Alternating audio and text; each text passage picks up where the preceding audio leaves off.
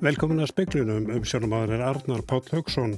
Þetta er sárt og erfitt fyrir vinnustad en að sjálfsögðu miklu erfiðara og sárara fyrir fjölskyldun á börnin segi fórstuðukona þjónustu íbúða í Óter í Danmörku þar sem Freyja Egilstóttir Móensen, íslensk kona starfaði.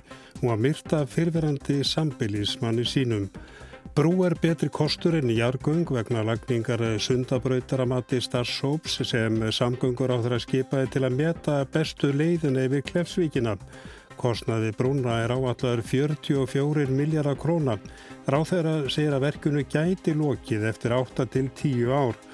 Lögfræðingur hjá húsegundafélaginu segir dómum nágrana sem taldi skalli á fastegn vera stórmerkilega og stefnumarkandi. Þjóðvegi eitt yfir Jökulsá á fjöllum var loka núna klukkan 6. Hann verður opnaðar aftur í fyrramáli eða í byrtingum. Starsvolku þjónustu íbúðana í Stenslún Centeret í Óttir í Danmörku þáði áfalla hjálp í dag eftir að fréttist af andláti samstagskonu þeirra til margra ára, Freyju Egilstóttur Mógensen. Danskur Karlmaður á 60 aldri, fyrirverandi sambilismæðu freyjum, hefur játað af orði henni að bana á heimili hennar í Malling í Árósum. Hann var úrskurðar í fjóra vegna gæsluvaraldi í morgun. Freyja hafði starfað í nokkur ári þjónustu íbúðunum sem eru fyrir aldraða, fyrst sem sjúkraliða nemi og síðan sem sjúkraliði, en hún útskjöðast úr því námi í lok síðasta árs. Anni Andersen, forstöðumar þjónustu íbúðana, segir að Freyja hafi verið einstaklega vandar og góður starfsmæður og vinnufélagi. Starfsfólk og íbúar séu í áfalli. Men vi har jo kendt Freja igennem adskillige år. Vi har været rigtig glade for Freja og er jo dybt chokeret over det, der er sket. Freja var en meget dygtig uh, pige, klog pige, som uh, sem virkelig vist hvað hún hefði með að göra. Síðast spurðist til Freyju á fymtudaginn. Hún átt að mæta í vinnu í þjónustýpunum á laugadaginn en þá um morgunin voru sendt SMS skilabóður síma hennar til vaktstjóra þar sem tilkynnt var að hún var veik. Anni segir að veikind eða forföll séu aldrei tilkynnt með þessum hætti. Yfirleitt ringi fólki slíkum erindum og það hafi ekki verið líkt freyju sem hafi verið afarskildurækin að tilkynna fjárveru sína með þessum hætti. Það blev sendt en uh, sms uh, til vores vaktplanlægger uh, lørdag morgen, hvor Freja skrev at hun ikke kom på arbejde, fordi hun var syg. Og det er ikke normal framgangsmåde. Anni segir að starfsfólki hafi þeið áfalla hjálp og að andlátt freyju hafi verið rætt við íbúana á samverustund í dag. Sorgin sé mikil og hugur þeirra sé hjá fjölskyldu freyju. Vi har øh, kontakt med, med nogle krisepsykologer, som har hjulpet os allerede i dag. Det er svært for en, en arbejdsplads, men det er naturligvis endnu sværere for familien og børnene. Þetta var Anni Annisen, Anna Lilja Þóristóttir, talaði við hana. Starfsópur leggur til að brú verði lögðumilli sæbrautar í Reykjavík yfir í Gufunes, frekar en að lögðverði jargung yfir Klefsvíkina. Brú mun að einhver liti raska hafnastarsstemi samskipa. Guðmundur Valur Guðmundsson, formadur starfsópsins, segir að brú sé hafkamari kostur meðal annars vegna þess að svo leið sé 14 miljörðum ódýrari en jargung. Nokkun brúar er líka talsverði meiri en jargangan umferðarspár hafa gert ráð fyrir eh, rúmlega 20% meiri umferð og nótkunn á brunni. Eh, til viðbótar að þá sjálfur sér er býr hún færi á göng og hjólaleið líka og nýri strætóleið sem er erfitt að koma við göngum. Þetta raskar hafnarsvæðinu hjá samskipum, lístu því aðeins? Já, þetta hefur áhrif að hafnarstafsefna í samskipum og, og það er, er setta til og fram að eh, mótuæðisaðgerum sem að er um nýja hafnatengingu sem leysir farmsvæði, eh, og samskipa. Eh, brúin á að vera næl, næla há til þess að öll gáma umferð á hafnasvæði samskipa geti, geti unnið áfram, verið áfram. En, hérna, en auðvitað er þetta mikil áhrif á starfseminn og, og það er lagt áherslu á að menn grípi tímalega til undirbúnings og tímalega til þeirra undirbúningsaðgerða sem er að gera. Þetta var Guðmundur Valur Guðmundsson að nána verið fjallaði með sundabrautina síðar í speklinum. Katrín Jakobsdóttir fórsættis er á þeirra segist vonast til þess að alþingi ná að ljúka ákveðnum breytingum á stjórnarskráni. Henni finnst í alþingi skulda samfélagin að ljúka slíkum breytingum. Sigmundur Davíð Gunnlaugsson, formaður miðflokksins, segir tilugur að forsættisráðara fel í sér vara samt fordæmi. Fyrsta umræðum frumvarp forsættisráðara um breytingar á stjórnarskrám fer nú fram á alþingi.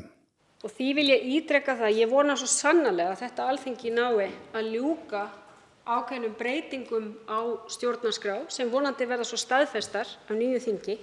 Mér finnst við skulda samfélaginu það að ljúka slíkum breytingum Ég held og dreg þann lærdóm af reynslu síðustu ára þar sem ég sat auðvitað í þeirri ríkisstjórn sem átti frumkvæðið að stofnun uh, stjórnlagaráðs á sínum tíma. Ég tel að það sé mikilvægt að gera þetta í áföngum. Ég tel að svo leið sem að hér er farin við að reyna að ná fram breytingum á stjórnarskrá fel í sér varasamt fordæmi og geti orðið til þess að stjórnarskrá til langrar framtíðar verði fórnarlamb pólitískra deilna hversdagsins. Sagði Sigmundur Davíð Gunnlaugsson að rætt verði við Katrin Jakobsdóttur og eh, Loga Einarsson um þetta máli í fréttum okkar í sjónvarpinu klukkan 7. Þjóðvegi eitt yfir Jökulsá á fjöllum var lokaði fyrir umferð núna klukkan 6 en hann var opnaður aftur fyrir umferð í morgun. Vegur verður opinn en næstu daga millir klukka nýja á mornana og sex á kvöldin en lokaður utan þess tíma. Í tilkynningu frá veðurstofunni kemur fram að þetta fyrirkomlag verði endur skoða á förstu daginn af öllu óbreyttum. Vaktir áfram við Jökulsára brú, þótt ekki sjáast vísbendingar um nýjar stíplur í áni, er ekki að útloka annað krabba hlaup. Lagfræðingur hjá húseigendafélaginu segir dómum með nágrána sem taldist galli á fastegn vera stórmerkilegan og stefnumarkandi þar sé einstaklingur metinn til fjár.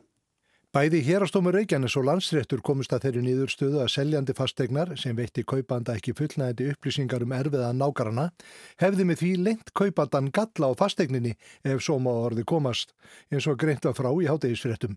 Seljandi saði nágaranan eiga við geðran vandamál að stríða en engin stór vandræði hefði komið upp, en gatt þess ekki að viðkomandi hefði hlotið dóm fyrir að ráðast á seljandan og hefði valdið hjá honum eignatjóni. Dómurinn er merkilegur að mati húsegundafélagsins. Mm, hann er alveg stórmerkilegur, telur við hérna hjá húsegundafélaginu og í raun síðing dómsins er svo bara hversu rík upplýsingaskylda seljanda er og hversu viðtekun er. Segir Tinna Andriðsdóttir, lögfræðingur í húsegundafélaginu.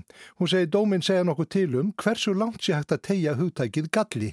Já, í raun og þannig verður að meta einstaklingin til fjárs og við höfum ekkert séð það áður í sambarlum dómum þar sem hefur fjallum galla á fastegnum. Í þessu máli ákvað kaupandin að halda eftir einnar miljónar krónar lokagreislu eftir að þið sanna komi ljós. Tinna segir dómin veki upp spurninguna hver staðan er þið ef nákvæminn sem máli snýstum flitur eða er borin út, hvort afslátturinn teldist þá ólögmætt auðgun. Hún telur líklegt að hæstiréttu myndi taka máli fyrir væri óska eftir áfríðuna leifi. Um okkur þykir líklegt að hæstiréttu myndi veita áfríðuna leifi af því að hann er stefnumarkandi og hann er sérkennilegur eins og ég segi með aðra galladóma sem hafa fallið. Hann en okkur þykir samt rosalega gott að fá þennan dóm hvort sem hann fari fyrir hæstiréttu eða ekki og þegar svona mál koma svo svakal oft inn á borð til okkar. Þetta var Tinna Andreistóttir og Haugur Holm sagði frá. Sérfæraðingur í Malbyggi vísar á bög fullurðingum um að Malbygg sem lagt er á vegi á Íslandi sé verra en Malbygg í öðrum löndum. Þá segir hann nagla skadalegri Malbyggi en salt en þó geti saltið óbeinti skemmt Malbyggið. Veðgerðin held nýveri bladamannafundi í beinu streymi til að ræða nýjar og auknar kröfur í Malbyggi og eftirliti með framkvæmdum. Margar spurningar sem sendar voru inn lutað gæðu Malbyggs og hvort þau var ekki lagri hér á landin í nágrannarlandunum. Pétur Pétursson, sérfræðingur í Malbyggi og ráðgjafi, er til svars. Nei, að mínum mati er það ekki rétt og það sem sagt hafa verið innleitt hérna rannsóknartæki sem eru samkvæmt Evrópustöðlum um framleyslu Malbyggs. Þar er á ég við hjólfaratæki til að mæla skriði Malbyggi og svo kallar práltæki til að mæla slitt þól Malbyggskjarna eða Malbyggssína og þau hafa orðið til þess að Malbyggs framleiðendur hafa bætt sína framleyslu mjög mikið og vegagerðin hefur gert mjög mikla kröfur til allra efna sem fara í malbyggið. Lengi hefur verið bent á nagladekkin sem sökudólk þegar kemur að miklu sliti á malbyggi. En hvort slítur malbyggi meira, nagladekk eða salt sem er búrið á götur í hálku?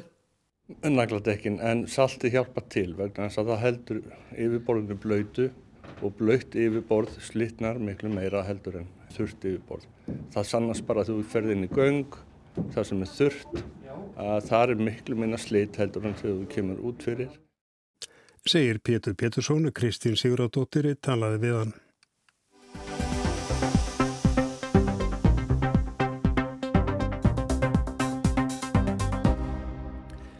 Brú vegna lagningar sundabrautar er betri kostur enn jargöng þetta nýðurstaða starfsóps samgöngur á þeirra sem fali var að meta þessa tvo kosti.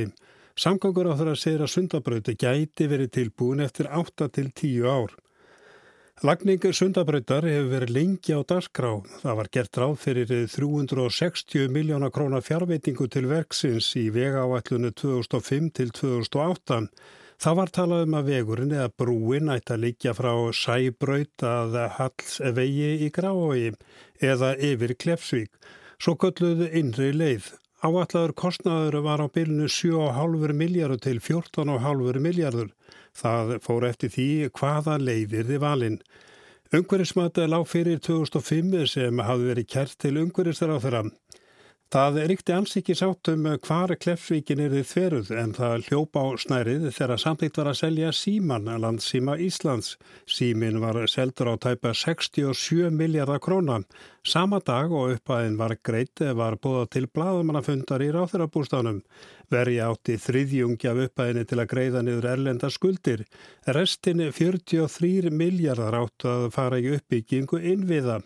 15 miljardar til vegafrangvænda og af þeim 8 miljardar til að leggja fyrsta áfanga sundabrautarinnar. Um þriðjungi af andvirði Símans verður varið til að greiða niður erlendar skuldir ríkisins 15 miljardum í auknar vegafrangkvæmdir og 18 miljardum í háttekni sjúkrahús í Reykjavík. Ekki verður byrjað að nota peningana fyrir nú árinu 2007. Þetta var Hjördis Fimbádóttir í frettamæri kvöldfréttum útvarse fyrir Rómum 15 árum.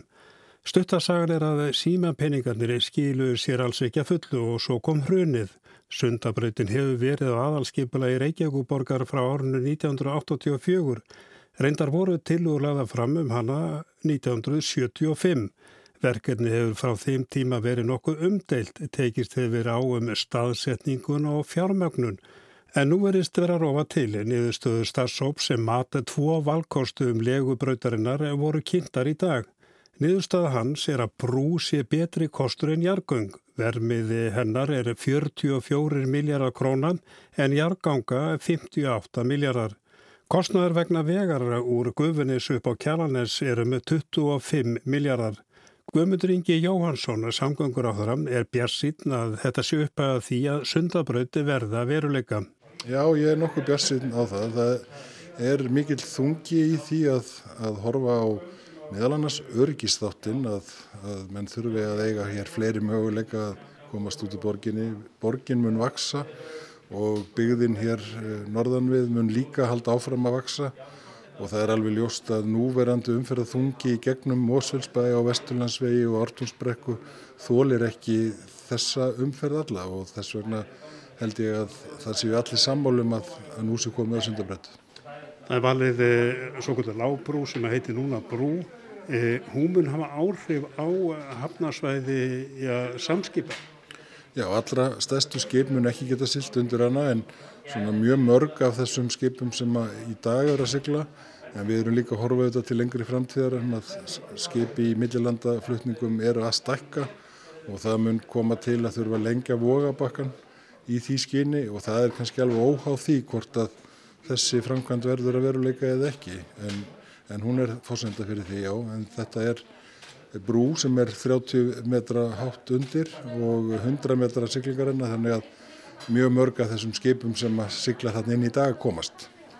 Þetta kostar mikið pening og það er gert ráð fyrir þetta að fara í eitthvað svona enga framkvæmd en eh, er líka gert ráð fyrir að það veri ráðist í áfanga tvö?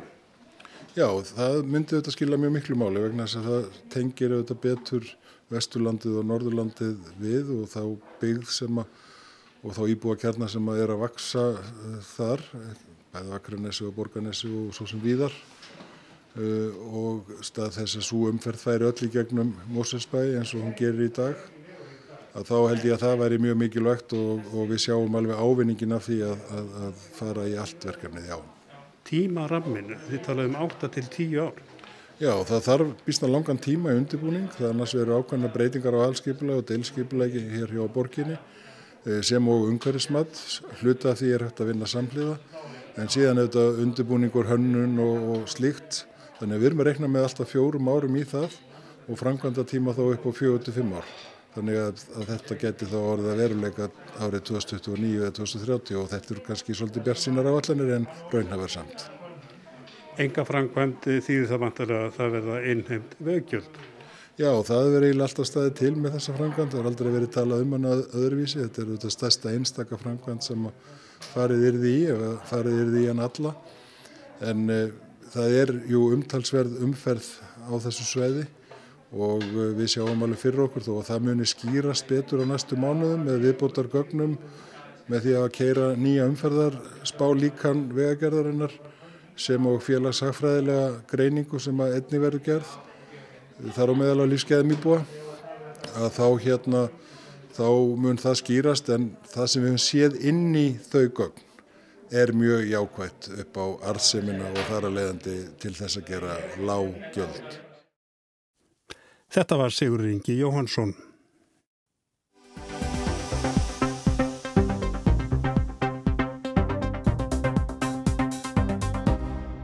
Fólk byr í atvinnuhúsnæði um allt land, alltaf í 7000 manns. Svona hefur þetta verið árum saman og svona verður það líklega áfram á meðan skortur er á húsnæði. Slökkuleiði þarf að vita hvar þetta fólk býr, svo hægt sé að bjerga því ef það kveiknar í. En eins og staðan er í dag, má ekki skrá lögheimili eða aðsettur í atvinnuhúsnæði. Fólk skráir því lögheimili sitt annar staðar eða er skráð óstaðsett í hús hjá sveitafélaginu. Í nýri skýrslu vinnuhóps húsnæðis og mannverkjastofnunar er lagt til að fólki verði lift að skrá aðsetur í atvinnuhúsnæði. Fastegnarsali sem selur og leigir svona íbúðir telur að það veri skrefi rétt átt.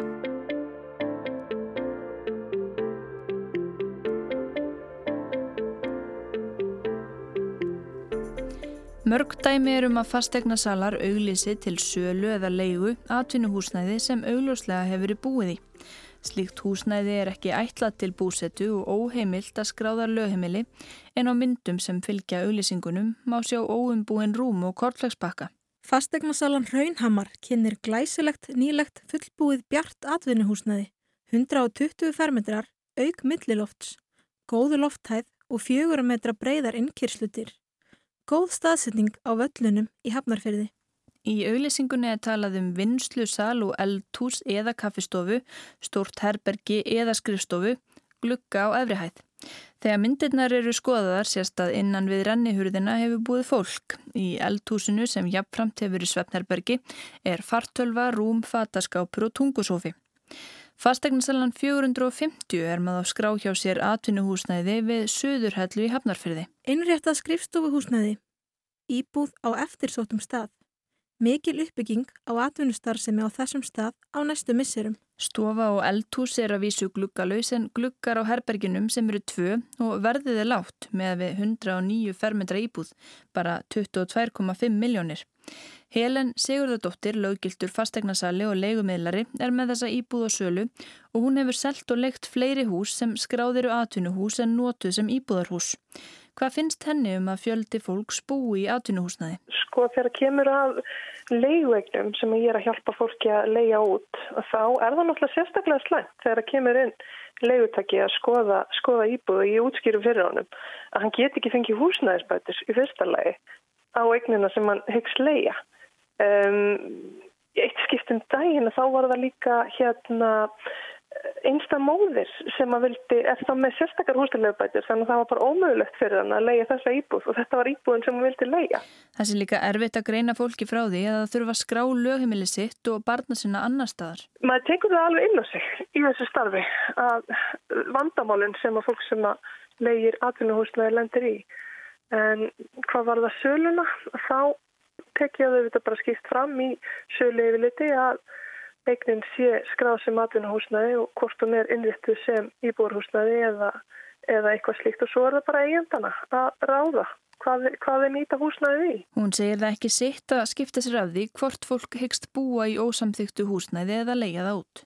Þegar kemur að sér einstaklinga að þá ráða þeir auðvitað bara sjálfur hvernig þeir nýta sína sér ekki. Helen segir að svona íbúðir hendi sumum sem vilja vera með yðnaðarbild til dæmis í atvinnuhúsnæði og íbúðar fyrir ofan.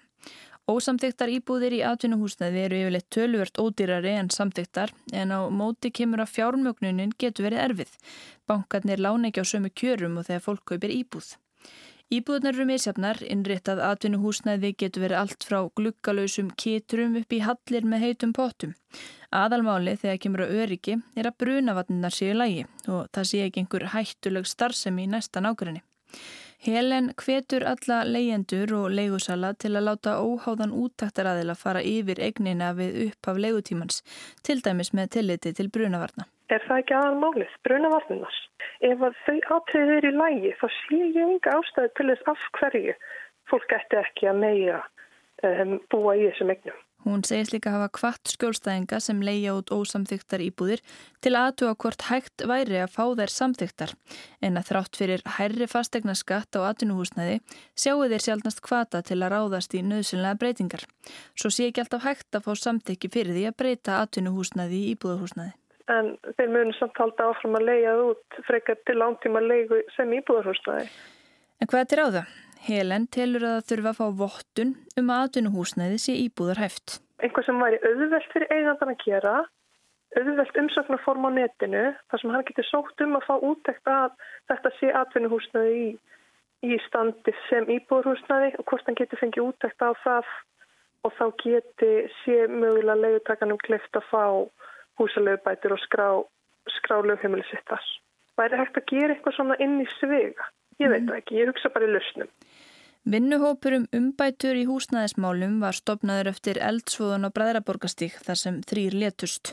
Húsnæði var ósamþygt og brunavörnum ábúta vant. Í skýrslu hópsins er hort til sviparar lausnar og helenlegur til að fólk fái að skrá aðsetur sitt í atvinnuhúsnæði að því gefnu að húsnæðið uppfylli ákveðnar kröfur.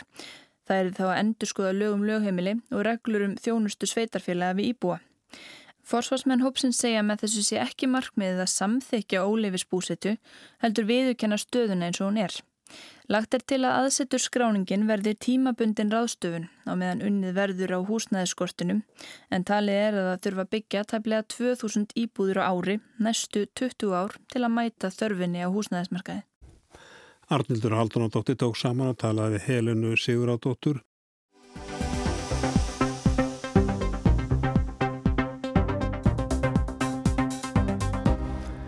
Og þá til Breitlands. Í Breitlandi gengur vel að bólusetja takmarkið að bólusetja 15 miljónir manna fyrir miðjan februar er innan selingar. Sá árangur og hýta sóttar kent umræðum nýje veiru afbreyði hefur í byli dreyið aðteglina frá skimun sem hefur ekki gengið jafn vel. En í dag minnast breytar kapteinsins Tom Moore, öldungsins sem snerti hjörtu heima og heimann eins og heyramátti í miðnatufréttum með breska ríkisútvansins í gerkvöldi. The Queen has led tributes to Captain Sir Tom Moore after he died with coronavirus, aged 100. Andlátt Sir Tom Moore var fyrsta frétt á miðnætti gær. Moore hafi greinst með COVID og ljast og lúnabolgu. Brettadrottning myndist þess að týræða öldungs.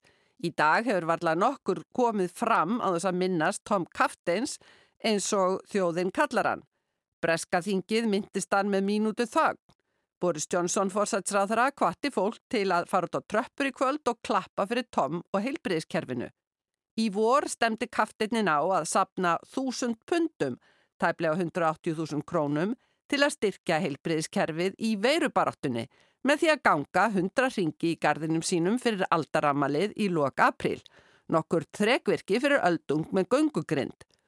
Eftir að gangan flög á félagsmiðlana söpnuðust ríflega 30 miljónir punta, 5,3 miljardar króna. Kafteitnin varð þjóðhetja sem allir vildu eiga hluti og hverri viðurkenningunni á fætur annari til dáan. Hann var aðlaður, varð Sör Tom. Á ammalinu bárust honum 150.000 ammaliskort, hermenn stóðu heiðursvörð og spittfær flugvilar flugu yfir húsið hans. Þá var hann þegar búin að taka upp lægið You'll Never Walk Alone með söngvaranum Michael Ball og kór hjúgrunafólks sem skauðst beint í fyrsta sæti vinsaldalistans. When you walk through a storm, hold your head up high and don't be afraid of the dark. Hjá þjóð sem vittnar ótt og títt í sögu setni heimstýraldarinnar eiga þeir fáu sem er enn á lífi af þeim sem börðust fyrir Bredland sérstakann sess í hugum þjóðarinnar. Stríðskynnslóðin þótti sína æðruleysi. Allt við Tom Kaftin var í þeim anda. At the end of the day we shall be all okay again and all those people who are finding it difficult at the moment the sun will shine on you again. Það verður allt í lægi með okkur í lók dagsins og þó það sé erfitt hjá mörgum þá mun sólinn skína aftur. Einmitt það sem fólk vildi heyra á ekki síst tjórnmannamennir sem vittnuðu stöðut í hann. Það er ekki alveg sama æðruleysið í fréttaflutningi breskra miðla af nýjum COVID-afbreyðum þegar í sumar bentur raðgjafar bresku stjórnarnar á að nýra afbreyða mætti vænta. Þó allt bendi enn til að bóluefnaframlegendur sjáu við afbreyðunum, einkennast breskar veiru afbreyðafréttir nú af ángist og andateppu. Hvernig eigi að halda afbreyðunum úti hvort bóluefnin vinni á þeim? Brettar eiga sitt afbreyði sem önnurlönd reyna að bæja frá. Breski yfir völd reyna að forðast afbreyði frá Suður Afríku og Brasilíu því ákveðið að þeir sem kæmu frá þessum löndum og frá alls 33 há áhættu löndum þurft að fara í tíu daga sótkví á hóteli á eigin kostnað. Þó hótelið sé ekki að eigin vali. En öldungis óljóst hvenar þessar reglur taka gildi. Í fyrirspurnartíma fórsætsráð þeirra í dag bendi kér starmer leiðtói verkamannflokksins á þetta ráðleysi að setja reglur sem tæki svo ekki gildi. Daglega kæmu 21.000 manns til landsins, stjórnin hegðist ekki grípa til aðgerða fyrir eftir marga vikur og þá aðeins gegn beinuflugi frá nokkrum löndum. Reynslan síndi að í upphafi kom aðeins prósendubrót smita beint frá Kína þaðan sem beinflug voru bönnuð en 62% smita komu óbeinuleiðina um Frakland og Spán sem sætti engu banni. Why does the Prime Minister think that the variants of the virus will behave differently and only arrive in the UK by direct flights? Af hverju heldur fórsætsráðara að veiru afbreyðin hæði sér eitthvað öðruvísi og komi aðeins til Bredlands með beinuflugi, spurði Starmer. Forsætsráð þeirra þver tók fyrir aðgerðaleysi en réðst á starmer fyrir hafa líst því yfir í þinginu að breytar hefði átt að verið samfloti við Evrósku lífjastofnunna sem þá þýtti að þeir var á byrjunarreit sem starmer sagði einfallega ránt eftir sér haft.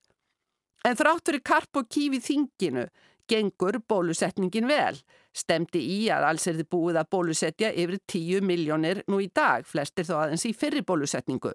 Þrátt fyrir þann árangur er brotalöm á breskum aðgerðum. Viðtakt skimunakerfi ekki komist almeinlega á, þrátt fyrir að miklu fjö hafi verið varið í það alveg síðan í vor. Íslenska reynslan sínir einmitt gagnið af viðtækum skimunum. Sigrun Davistóttir saði frá og þetta var meðal annars í speiklunum í kvöld.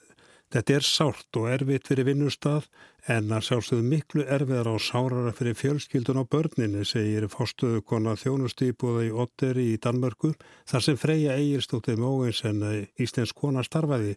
Hún var myrt af fyrirverandi sambilismanni sínum.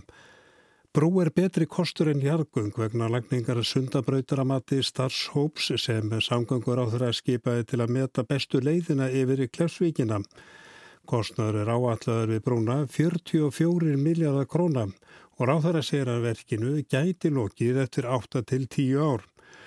Lokfræðingur hjá húsegandafyranu segir dóms um nágrana sem taldist galli á fastegn vera stórmerkilegan og stefnumarkandi. En það er ekki fleira í spögnu kvöldi tæknumöður var Ragnar Gunnarsson, verið sæl.